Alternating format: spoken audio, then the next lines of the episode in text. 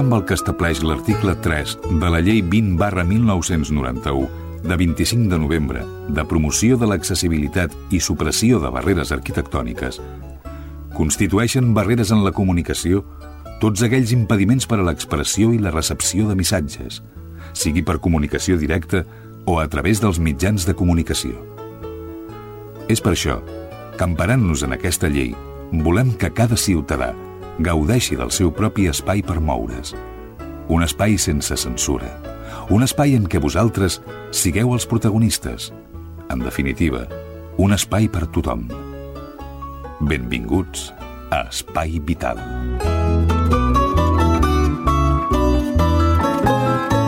Senyores, senyors, què tal, com estan? Una setmana més, ben trobats a les sintonies de Cerdanyola, Ripollet, Montcada, Barberà i Santa Perpètua. Salutacions a tots aquells que esteu connectats a través de les zones de la ràdio i si no també a través d'internet, perquè avui en dia totes les emissores que conformen Espai Vital tenen ràdio online.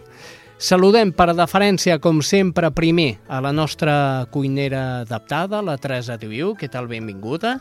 Molt ben trobats.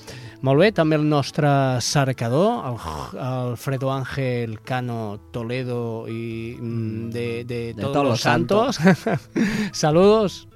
Saludos. I també les salutacions a un gran amic, que més que un amic és un gran escultor i que avui ha vingut aquí a la ràdio a parlar-nos. Ja veureu de què.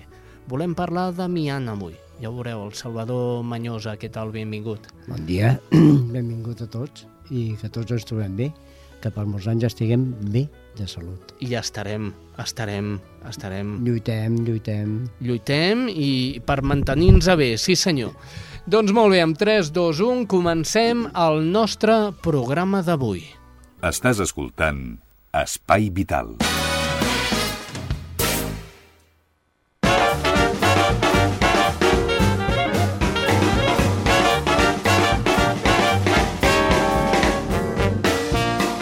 Vostès s'imaginen que un metge d'assistència primària hagi de veure un catàleg oh, sí senyor, sí, no em mireu amb aquesta cara, un catàleg per saber com eh, actuar en un moment d'emergència perquè els metges són persones i les persones també necessiten el recolzament de, eh, de fulls, de papers que, que els coordinin cap, cap a tot allò que han de fer.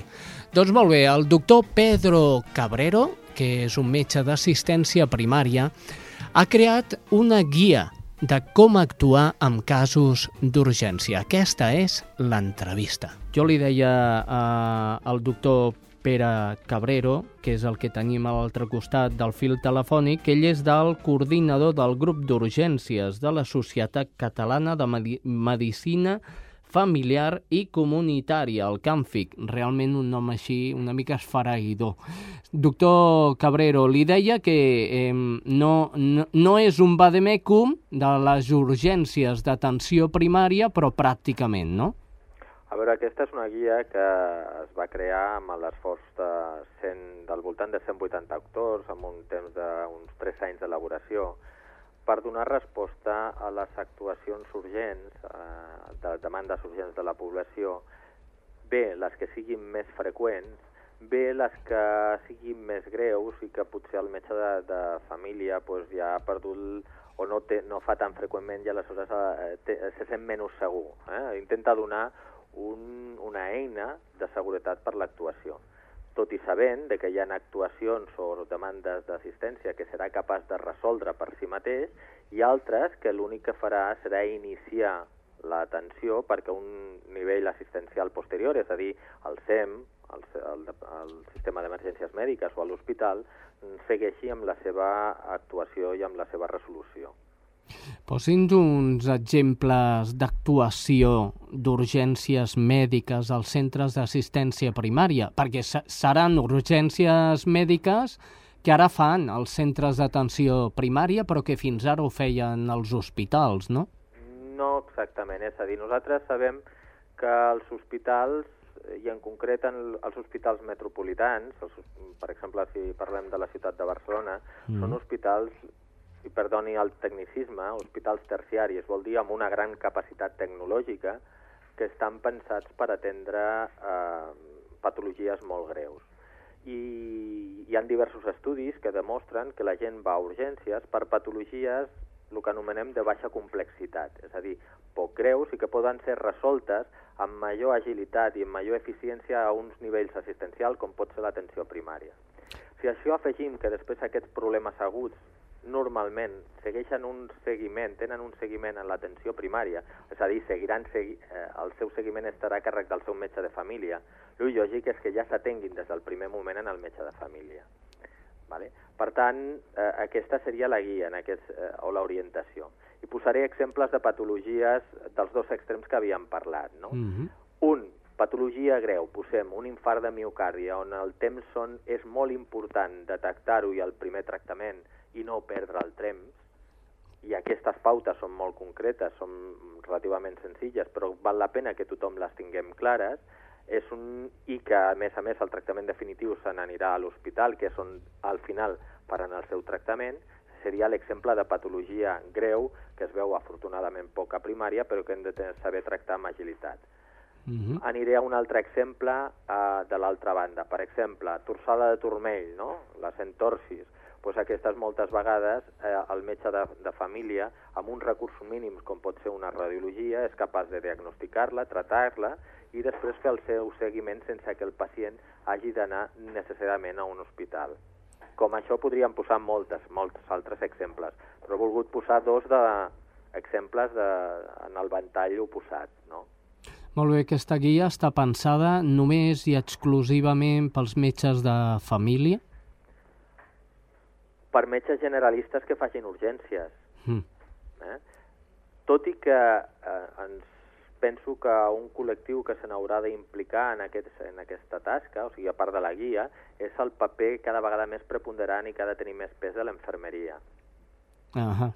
Però bueno, això ja no correspon a la guia, això correspon al món de les urgències. Molt bé, quines fonts s'han utilitzat per fer aquesta guia?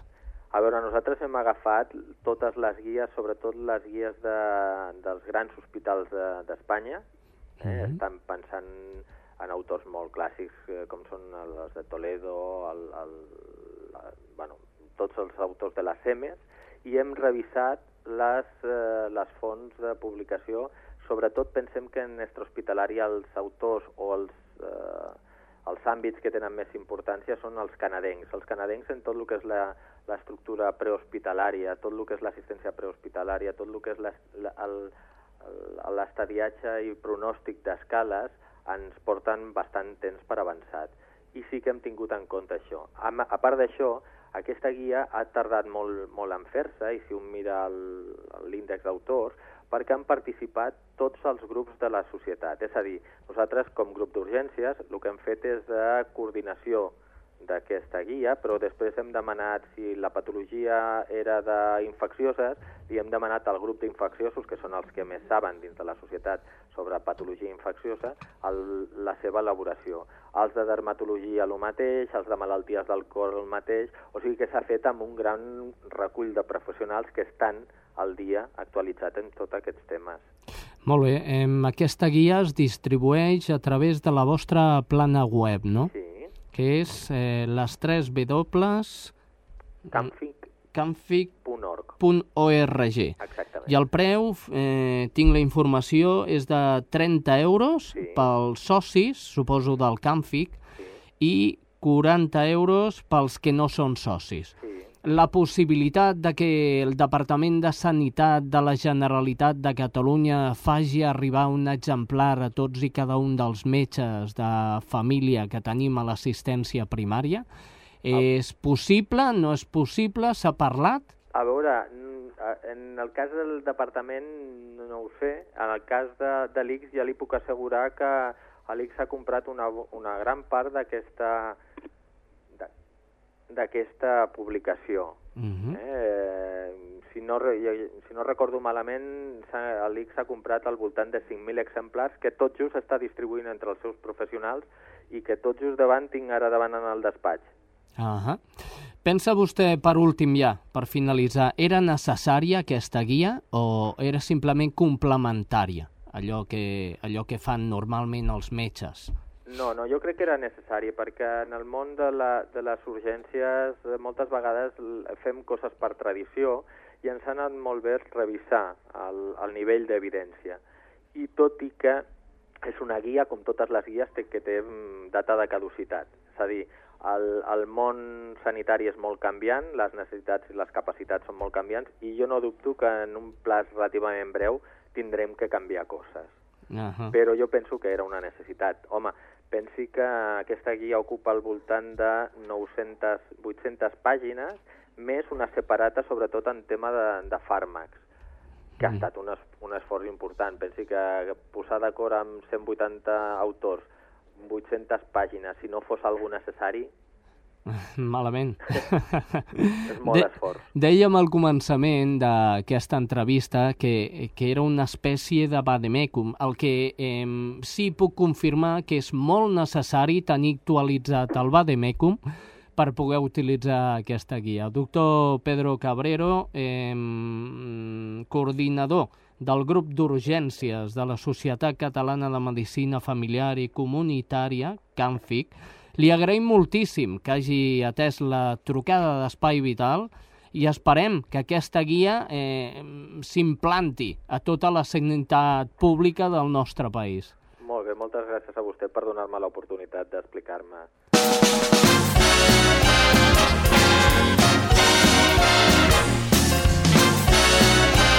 Espai Vital, el primer programa adaptat de les zones.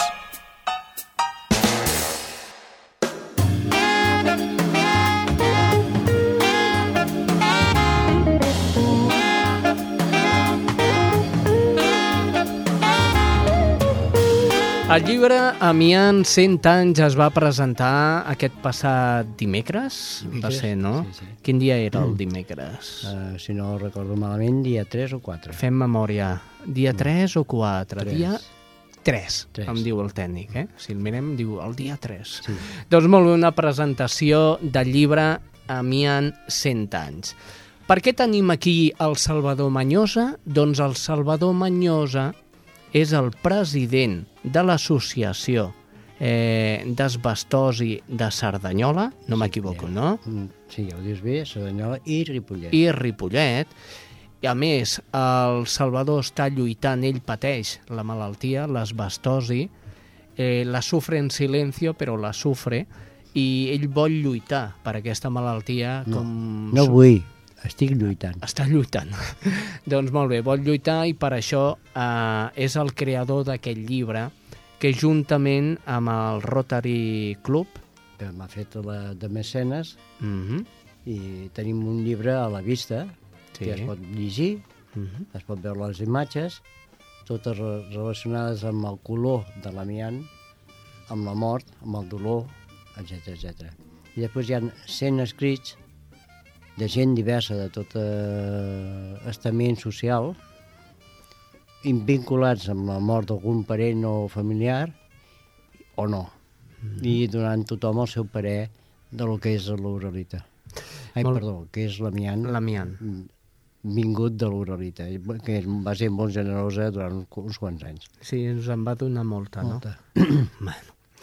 Molt bé, per què neix la idea Mian 100 anys, Salvador? Mm, fa quatre anys aproximadament, una cosa així.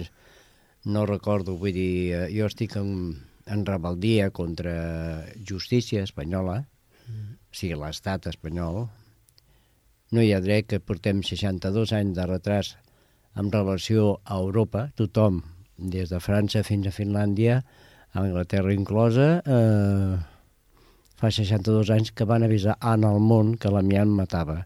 I està prohibit des de ja fa 62 anys aquesta Europa civilitzada que diu, i Espanya encara estem a les beceroles. Ni està reconeguda com a malaltia, no hi ha reconeixement judicial, bueno, un desastre.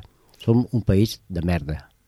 Serveis socials, eh, pel que veig, bueno, benestar social no reconeix. No, no, no, la medicina, o sigui, la pròpia medicina, el vademecum aquell que tenen, Sí. no, està, no, no existeix. Ah, La meva pregunta és quina és la justificació del metge que visita una persona que té eh, eh, asbestosi, què li diu? Ah, sí, li diu clarament, el metge sí ha sigut el primer dels pocs metges, o sigui que no tots els metges estan preparats a la facultat de Medicina durant anys i anys ha sigut ta- tancat a clau i pany l'amiant. O sigui, no tenen informació igual que qualsevol persona del poble.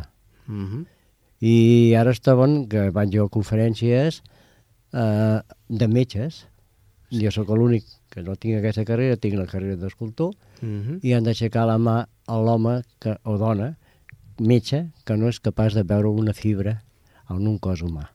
ah, és complicat. Molt complicat per, per, eh, per la cosa tan ben feta que neix en el franquisme, que neix en tot això, aquest silenci tan ben guardat durant tot aquests cent anys. Una malaltia que provoca aquestes fibres però amb una característica especial, és a Sí. dir, la fibra es trenca i és quan s'enquista dintre del pulmó. No, no, no, no, no? Xavi. Ah, no, Mira, no, jo, jo explico, llavors estàs tu per per- corregir-me. la, la fibra està voltant per l'aire, Ah, a través del vent o el que sigui, sí. la inhalem, la que entra per la boca surt al cap d'un temps o d'unes poques hores pel forat de darrere Sí, i se'n va pel lavabo i aquesta d'aquí no passa res a un. bé. Sap, eh, la, que té, eh, la que entra pel nas va directament al sac, que és els pulmons. Mm -hmm. Allà entra, s'enquista, va baixant pel seu propi pes, pel pes que, per la vibració que el ser humà transmet a l'hora de caminar, jeure, tot això, i va depositar-se a baix de tot, a la pleura. Ah I allà s'enquista, el mateix cos eh, genera una crosta sí. i intenta immobilitzar aquesta fibra. Ah Això és una, una fotografia, estem veient la tapa del llibre dels 100 anys. dels 100 anys i això és d'una persona altament malalta. Mm. Tot això són fibres, per centímetre cúbic hi ha una bestiesa de fibres. Ah Vull dir que aquest home estava molt, molt malament. Segurament ja no hi és, està exitus. ah I a l'entrar la fibra, el cos, com que és jove, genera una sèrie de cèl·lules o de crostes sí. que impedeix que aquesta fibra actuï, perquè porta càncer. sí. Càncer, càncer, vull dir, del guapo, eh? Mm -hmm. Anem passant d'anys, any a any, i aquesta, el cos es va debilitant, i als 20-30 anys, per això és aquest verí a llarg plaç, de 20-30 anys, la teva resistència física, la teva mm, manera d'haver nascut en una casa sana o no sana, tal qual, el no fumar, tot això, o fumar, Mm -hmm. es trenquen aquestes crostes i aquesta fibra automàticament allibera la, l'amiant que, la, el càncer que ell porta sí. i en 11 mesos te'n vas a l'altre barri. No hi ha res a fer, és un mineral, és indestructible, avui per avui l'aixetge i l'endemà per l'endemà tampoc, en un endemà proper no es pot fer res, Mm -hmm. i en 11 mesos te'n vas d'aquest barri. Realment impressionant el que suposa que et diguin que tens asbestosi. Què et semblaria, eh, Salvador, si escoltem què tal va anar la presentació d'aquest llibre, que ja el tenim a la venda, mm -hmm. aquest llibre? Eh, Amb 20 euros a on? eh, suposo que en pocs dies estarà a totes les llibreries. I que ha editat la, la Montflorit, no? Montflorit. Montflorit. M'agrada- M'agrafa. Bueno. Bueno. Així ens està aquí. Bueno, sí, és igual. Montflorit, editorial sí, sí. Montflorit, i que ja està a la venda a totes les llibreries de Cerdanyola, Ripollet, Barberà, de tots costats, sí. el podreu Girona. trobar. Es diu Amiant 100 anys, i aquesta és la, la presentació del llibre que es va fer a Cerdanyola del Vallès. La presentació del llibre Amiant 100 anys va ser un homenatge a tots els homes i dones de Cerdanyola i Ripollet que han patit o patiran alguna de les malalties pulmonars relacionades amb aquesta substància i molt especialment les 168 persones de les quals s'ha pogut documentar la mort a causa d'afeccions com l'asbestosi o càncers com el mesotelioma o el del pulmó. El llibre, impulsat com a principal autor per Salvador Manyosa, president de l'Associació d'Afectats per l'Amiant de Cerdanyola-Ripollet, compta amb la col·laboració de molts veïns de Cerdanyola. A Amiant, 100 anys, s'alternen fotografies realitzades per Manyosa, artista plàstic, inspirades en el patiment dels afectats per l'amiant, amb textos de familiars de malalts, de metges especialistes i de veïns de Cerdanyola implicats a la lluita contra l'amiant i sota la coordinació del pneumòleg en Josep Tarrés. El llibre, publicat per l'editorial Montflorit, s'ha pogut editar gràcies a la participació del Club Rotary de Cerdanyola. El títol del llibre fa referència a la implantació a Cerdanyola de la fàbrica Uralita el 1907, factoria on es va treballar durant molts anys amb aquest material en forma de fibrociment. La inhalació de les fibres d'amiant que s'han trencat provoca el desenvolupament de diferents malalties respiratòries greus. Un dels col·laboradors d'Amiant, 100 anys, Jaume Mimó, destaca que la lluita contra l'amiant s'han de mantenir tres accions. Una millor atenció a les persones afectades, l'elaboració d'un inventari real dels punts de contagi a Cerdanyola i la introducció de mecanismes de prevenció perquè no torni a passar mai més ni a la nostra ciutat ni en lloc. La primera estaria per una millor atenció a les persones que estan afectades, tant els que treballaven a la fàbrica Uralita com els que per altres motius s'han encomanat d'aquest d'aquesta enfermetat, acabar de fer un inventari real dels punts de contagi que hi ha a Cerdanyola i, sobretot, introduir mecanismes de prevenció perquè això no torni a passar mai més ni aquí ni en lloc del món. El coordinador del llibre, pneumòleg i regidor a l'Ajuntament de la ciutat, Josep Tarrés, posa l'accent en la dedicatòria a les 168 persones que han mort a Cerdanyola i Ripollet per causes relacionades amb l'amiant i que s'han pogut documentar. Tarrés remarca que les víctimes són moltes més, però no hi ha dades que permetin la certificació oficial de la relació entre l'amiant i les seves morts. Aquesta és una dedicatòria a 168 persones, en noms i en cognoms, i és una dedicatòria de mínims, de mínims. O sigui, com a mínim tenim aquest grup, el grup de persones que han eh, hagut d'estar en aquesta llista. La realitat és que això és una punta d'un iceberg. Jo conec molts més casos. Sé, sé, tothom sap de molts més casos, tothom sap d'aquella persona, però era en una època en què no hi havia la documentació suficient com per poder-ho eh, documentar d'aquesta manera. O sigui, aquests són 168, però és una llista de mínims. Eh? No... El doctor Tarrés explica que cada mes es documenten dos o tres casos nous d'aquest tipus d'afeccions en els centres d'atenció primària de Cerdanyola i Ripollet. Durant la presentació del llibre, amb un espai Granados ple a vessar, l'historiador Miquel Sánchez va manifestar que una estadística dels anys 90 indica que fins al 2025 moriran 50.000 persones a l'estat espanyol per malalties relacionades amb l'amiant. Sánchez insisteix que aquestes dades no són alarmistes, sinó producte d'estadístiques minces. Les projeccions de defuncions a causa de l'amiant a 30 anys vista, és a dir, les que es van fer a finals del segle passat i acaben el 2025, diuen que l'Europa, Europa, tota l'occidental i l'altra Europa, hi haurà 500.000 morts per amiant. A Estats Units, a vora 300.000, i aquí a l'estat espanyol hi haurà 5.000, ai, perdó, 50.000.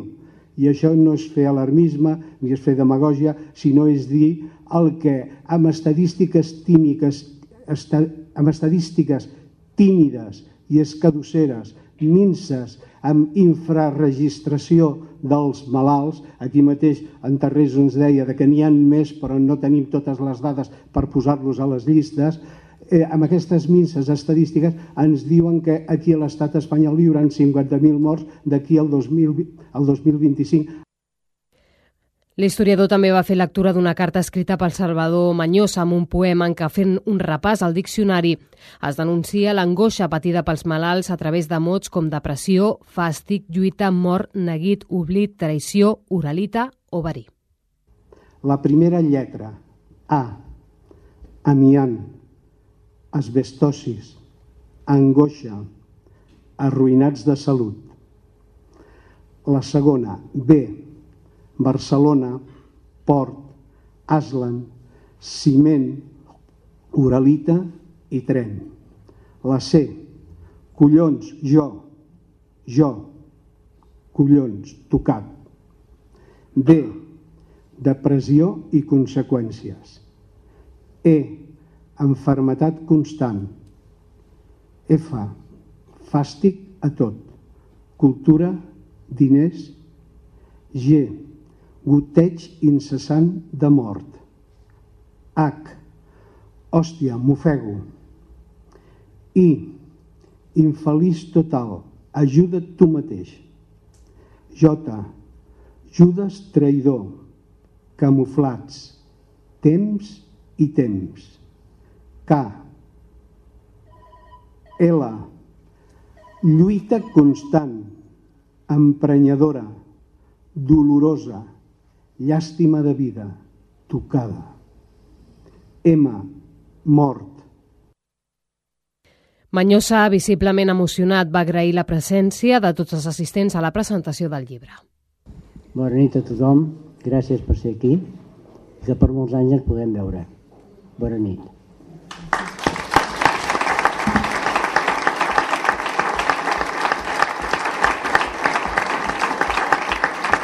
Josep Viguera, representant del Club Rotary de la nostra ciutat, editor del llibre, va reiterar l'oferiment de l'entitat per ajudar a aquelles causes d'interès socials per a la ciutadania de Cerdanyola.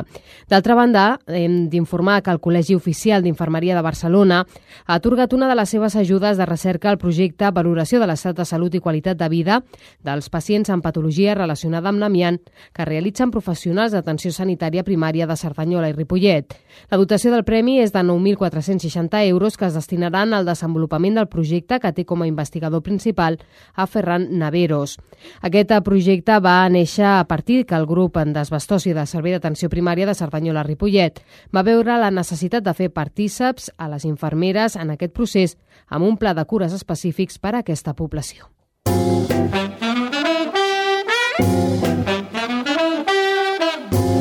Doncs ja ho veieu, va estar una presentació que, que de fet va estar plegat de gent, va estar molt bé, molt una bé. presentació d'aquest llibre que recordeu està a la venda a totes les llibreries del nostre país, que és de l'editorial Montflorit i que es diu Amiant 100 anys.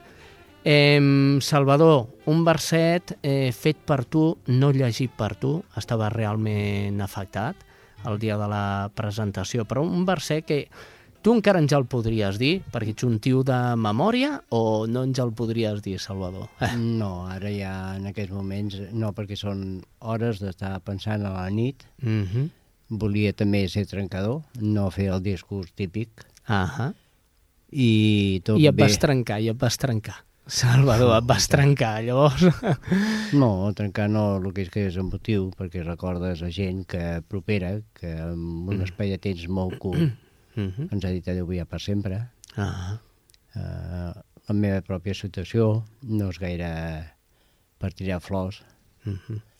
I tot això, i després en un moment així uh, estava segur que m'hagués trencat en un moment determinat i vaig dir Miquel, em pots llegir, sisplau, aquest verset. Aquest verset. I és un abecedari.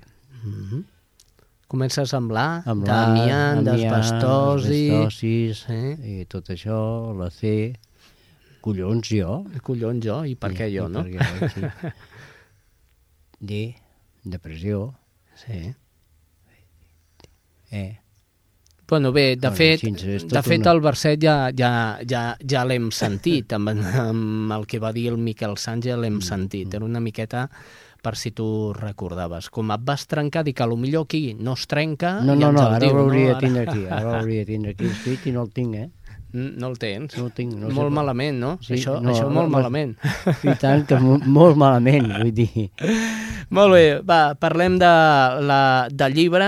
Amiant, tots sabem el que és, ja l'hem definit. I 100 anys, per què 100 anys? Doncs pues mira, resulta que hi ha una guerra civil, s'acaba, el Franco deu favor de guerra al senyor Joan Marc, mm -hmm. eh, fa 100 anys que els germans Rubiralta van introduir l'amiant aquí, van fer una petita fabriqueta, però aquest favor de guerra que hi havia al Franco en el Marc fa que acusi en el germà Rubiralta de maçons, etc etc i els fa fora i ven a baix preu la fàbrica i és quan el Marc, amb tot el seu poder econòmic i mercantil, diguem-ho així, o navier també, comença amb els barcos a portar ciments, eh, amiant i construir la fàbrica Uralita. Arrel d'això és quan Cerdanyola es comença a planar d'Uralita, però no Cerdanyola, Cerdanyola i Ripollet. i Barberà. Els baixos de les poblacions estan plenes de, de fibres d'amiant, Sí, sí, sí. eh, de material de fibrociment, Mhm. que és el que provoca aquesta malaltia. Però no solament eh, activament si treballaves a l'empresa. És No, que no, és que hi ha també hi ha gent, gent- passiva, no? Vull sí, dir, sí, a la- a l'entorn eh, l'amiant venia, normalment ja venia triturat i molgut, sí, eh, ja en fibra, Mhm. però per la quantitat de fabricació que en aquells anys se- s'estaven empleant, venia en pedra.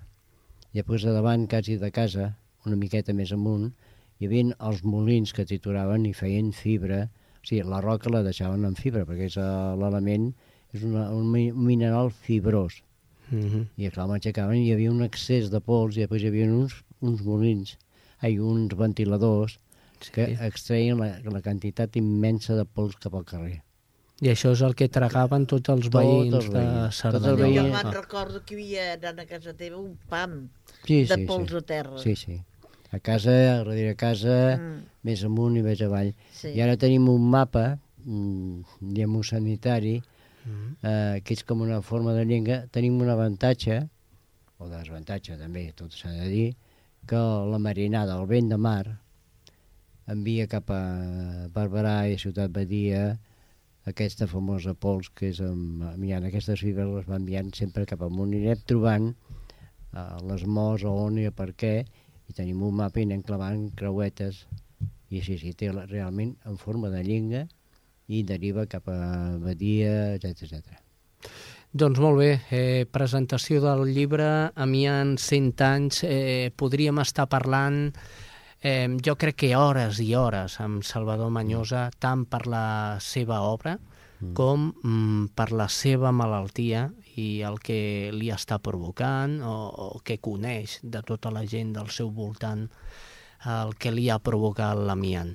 Sí sabem que, que ja s'ha presentat una denúncia eh, davant de, del Ministeri... No, no, davant, ja està la denúncia posada a sobre un tribunal de Madrid, Sí. al cent i pico, no, no, no, no recordo, Mm -hmm. però trobem una altra cosa, un altre cas també fabulós en aquest hermoso país, eh, que la, eh, la, metgessa, ai, la jutgessa que ha de juzgar ja els primers afectats de Getafe, Sí. Per falta d'informació, tanca el cas i diu esperem un temps perquè jo m'has d'informar. Clar. O sigui, estem atrasaditos, atrasaditos. Però amb tantes coses que fa vergonya. Ai, Déu meu, Déu meu. Menys mal que, home, en aquest llibre apareix el doctor Tarrés, Sí. que va ser una de les eh, persones que va lluitar és, junt a bueno, tu. és eh, d'on la... Sí, anem de costat, sempre. Mhm. Sí. Mm. És un dels Uh, metges, eh, metges que... de capçalera, però també té l'especialitat de ser pneumòleg. Ahà. I que, i que va ser el primer que va, d'alguna manera, amb sí, tu. Mhm. a començar amb mi eh, i amb el Jordi Jorba Sí. a presentar l'escultura Gràcies Urita per deixar-nos prenyats per Amiant. Doncs molt bé. i el Terrés i el Jordi Vull que m'acompanyin sempre que hi hagi una cosa d'aquestes em van acompanyar l'altre dia a la presentació Mm. però és que ara aquest cartell que et regalo de molt bona fe i amb Sí, molt de senyor. gust I que jo em penjaré la meva habitació. ani- anirà per, anirà per totes les seus de gent afectada Mhm. i aquí ho tenim en català però estarà escrit en gallec en basc, etc etc en tots els idiomes i comencem a escalfar motors eh, contra justícia o contra l'estat espanyol. Salvador Manyosa, no tenim temps per més, de veritat, t'ho agraïm. Uh, uh, el que sí, en, re, en breus instants, és fer la volteta pel Vallès Occidental, a veure quines són les últimes notícies sanitàries. Gràcies i bon dia. Bon dia. Estàs escoltant Espai Vital. Senyor,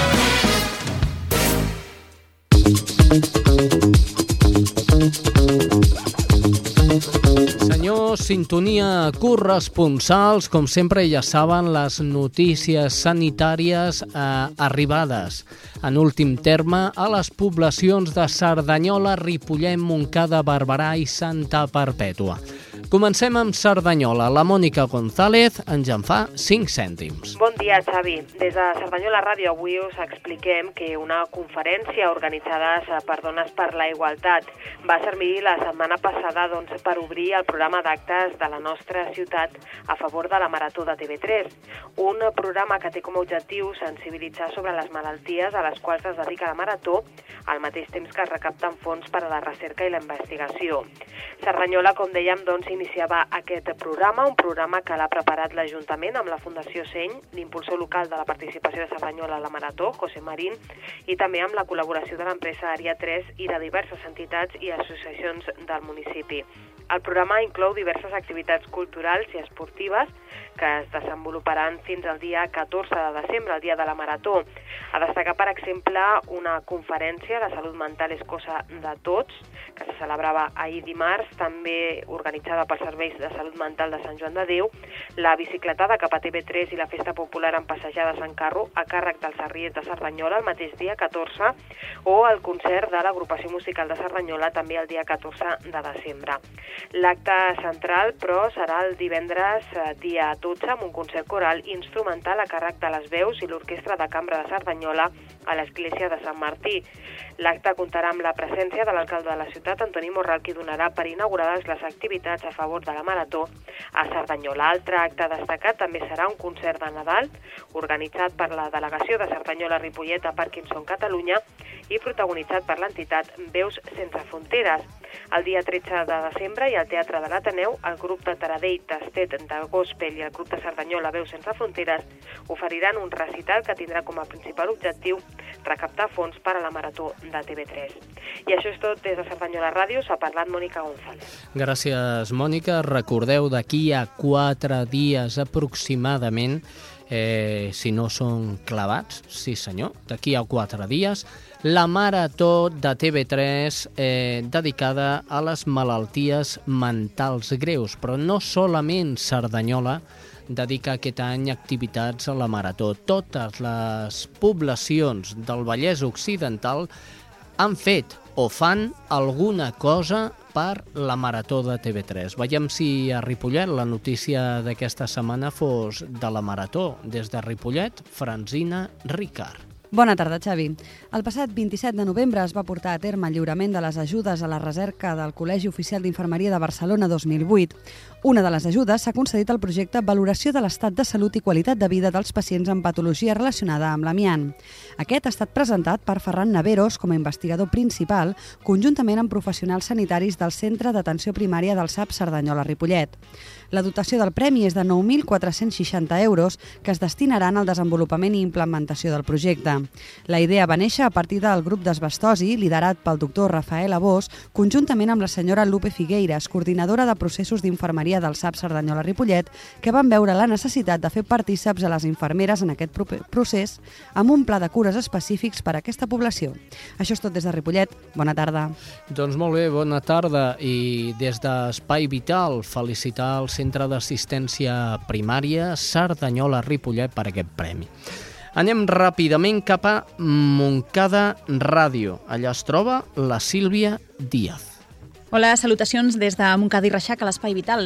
Avui parlem del Consorci de Serveis d'Atenció a la Dependència de Montcada i Reixac, un organisme que s'encarregarà a partir de l'1 de gener de 2009 de la gestió del servei d'atenció domiciliària, un àmbit que ara per ara depèn directament de serveis socials de l'Ajuntament, que està obligat per llei a oferir aquesta atenció i s'ofereix a través d'empreses externes. Aquest consorci és un organisme que es va constituir el desembre del 2007 i l'integren en un 60% representants de l'Ajuntament i en l'altre 40% membres del Consorci Hospitalari de Catalunya. El traspàs de competències es va fer efectiu durant el ple de novembre, on tots els grups municipals hi van votar a favor. No obstant, l'oposició va demanar que el govern garanteixi que la gestió dels serveis tingui una finalitat pública. La regidora de Serveis Socials, Mari Carmen González, va explicar que la creació de consorcis per gestionar l'assistència primària és una fórmula que actualment estan duent a terme els municipis per tal d'agilitar l'atorgament dels serveis. Des de l'Ajuntament s'ha explicat que el traspàs de competències dependències al nou consorci implica que es farà un major seguiment dels casos atesos, la implementació de programes de formació per als cuidadors i la reversió del marge industrial que fins ara es quedava a les empreses externes per a un possible augment d'usuaris. A hores d'ara, Serveis Socials atén 287 persones, tant de l'àmbit de la vulnerabilitat com de la dependència. I d'altra banda, i canviant de tema, us recordem que demà dijous, a Dimir i la Comissió de Necessitats Educatives Especials presenten a l'auditori a les 6 de la tarda el llibre La descoberta de l'Àngel, que parla sobre el món de la discapacitats. La publicació l'ha il·lustrada la popular dibuixant Pilarín Vallès. Doncs bé, això és tot per avui. Fins la setmana vinent. Doncs molt bé, gràcies Sílvia Díaz. Recordem també que tant Adimir com l'associació Padres de Àlex, Papas de Àlex, eh, munten una manifestació reivindicativa sobre la llei de dependència i la seva aplicació a Montcada i Reixac. Molt bé, seguim amb la roda informativa de Montcada. Anem corrent, corrent cap a Santa Perpètua de la Moguda. Allà es troba Estrella Núñez. Hola Xavi, hola amics de l'Espai Vital. Des de Santa Perpètua us informem de que l'Ajuntament continua en la seva tasca d'eliminar barreres arquitectòniques. Aquest mes de desembre ha començat a transformar un dels carrers del nucli antic, el de Prat de la Riba, en una plataforma única en prioritat per a vianants. La primera mesura, ja en marxa, ha estat prohibir l'estacionament a aquest carrer. Altres actuacions són el canvi de sentit de circulació en un tram del carrer. Des d'aquest desembre, els cotxes poden continuar circulant pel carrer de Prat de la Riba en sentit al carrer de, Mar de Martí Costa i també en sentit a Martí Costa pels vehicles procedents de la plaça del Mercat. La velocitat al carrer de Prat de la Riba està restringida a partir d'ara a 20 km per hora. Aquests canvis responen a les demandes ciutadanes, ja que en aquest carrer les voreres són massa petites, no deixen passar dues persones juntes ni un cotxet i en algunes zones es troben en mal estat. Aquestes mesures preses per l'Ajuntament són una primera solució fins que no s'executin les obres que transformaran aquest vial que va de la plaça de l'Església a la plaça del Mercat en una plataforma única. Ara, però, ja comença a ser de prioritat per a vianants perquè s'ha reduït la velocitat a 20 km per hora i està prohibit estacionar. D'aquesta manera, s'intenta millorar la mobilitat dels vianants. El consistori perpetuenc intentarà incloure alguna partida econòmica en el proper pressupost municipal per arranjar aquest carrer i, a més, també estudia possibles espais per a zona d'aparcament per a aquells veïns del carrer de Prat de la Riba que ara ja no poden estacionar. Totes aquestes mesures han estat consensuades amb el veïnat de la zona de Prat de la Riba. Des de Santa Perpètua us desitgem una bona setmana. Adeu, Xavi. Adeu, Estrella. Eh, mesures que prenen per la mobilitat a la població de Santa Perpètua de la Moguda. Estrella Núñez, la cronista d'aquesta ciutat. Anem a veure què ens diu la cronista de Barberà, en aquest cas la Núria Cabrera, que ens porta la última de les últimes notícies sanitàries per a aquesta roda informativa.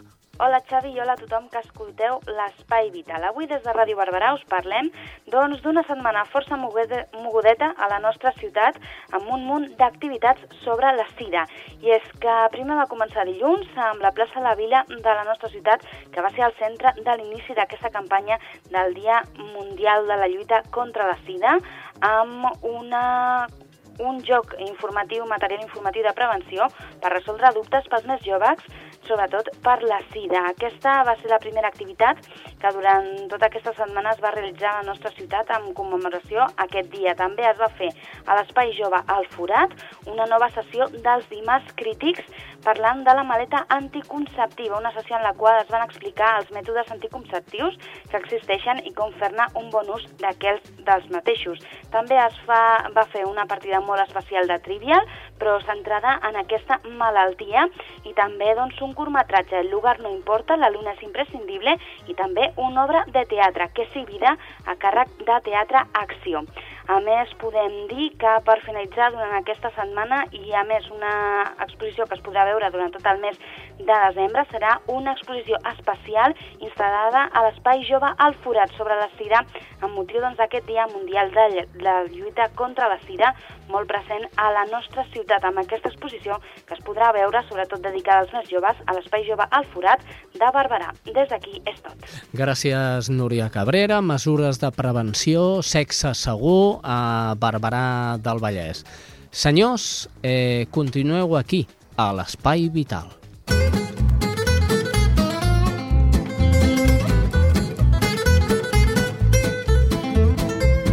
Això és Espai Vital.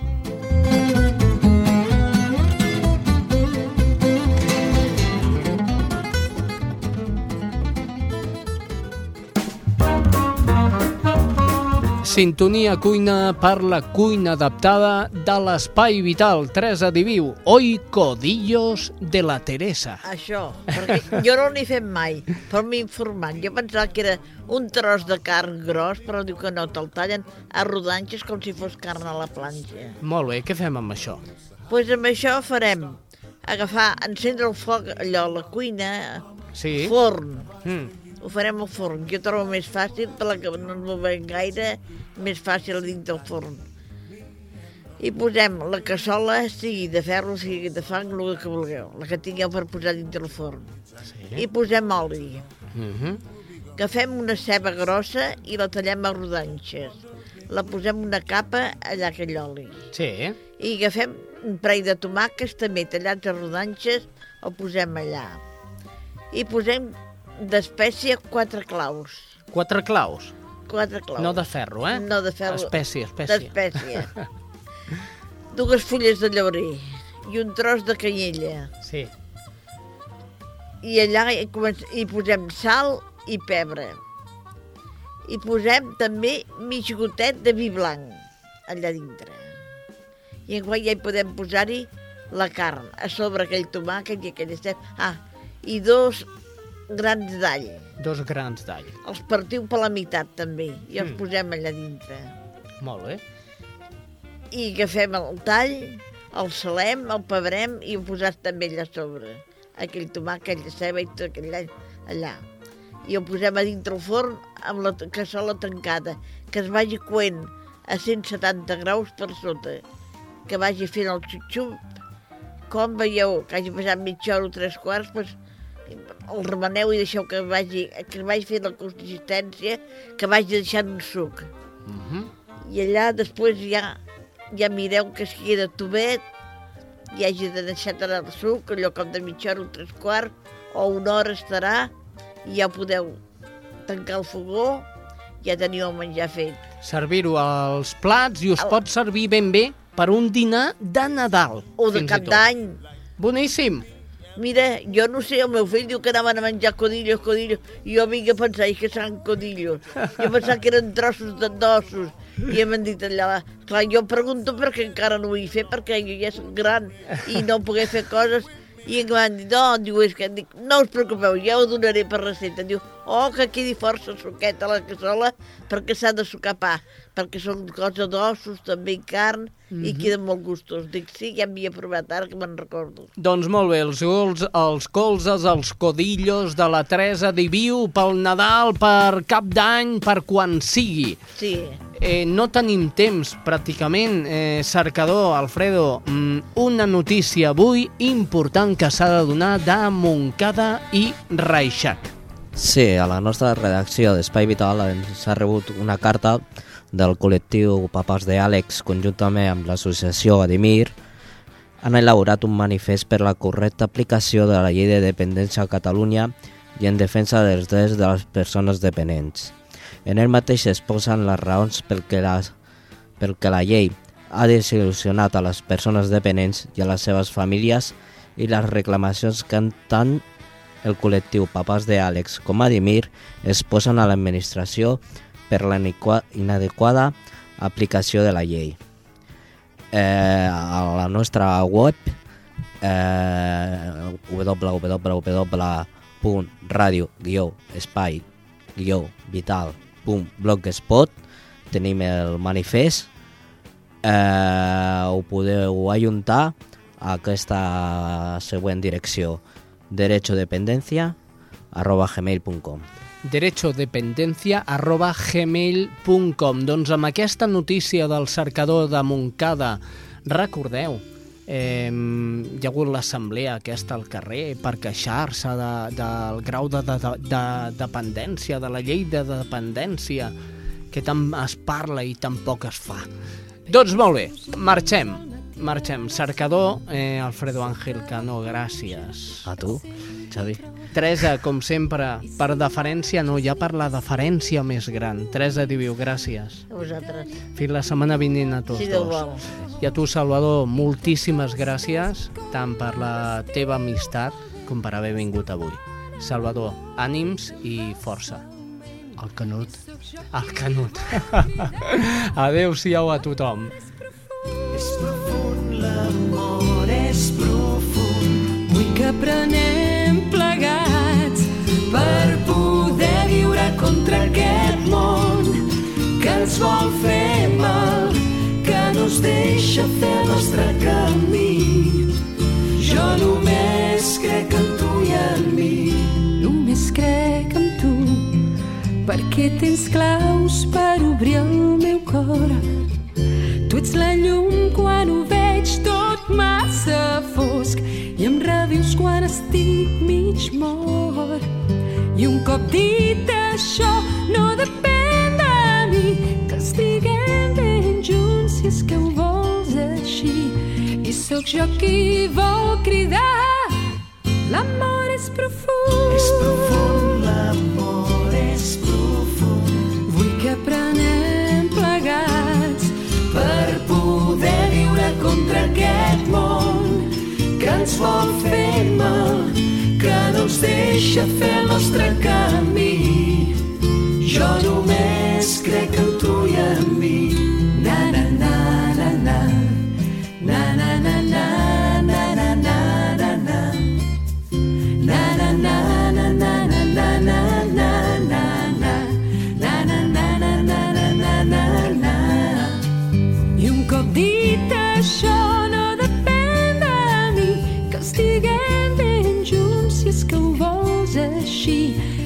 sóc jo qui vol cridar L'amor és profund. És profund, l'amor és profund. Vull que aprenem plegats per poder viure contra aquest món que ens vol fer mal, que no ens deixa fer el nostre camí.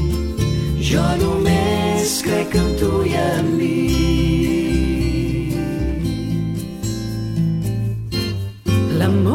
profundo.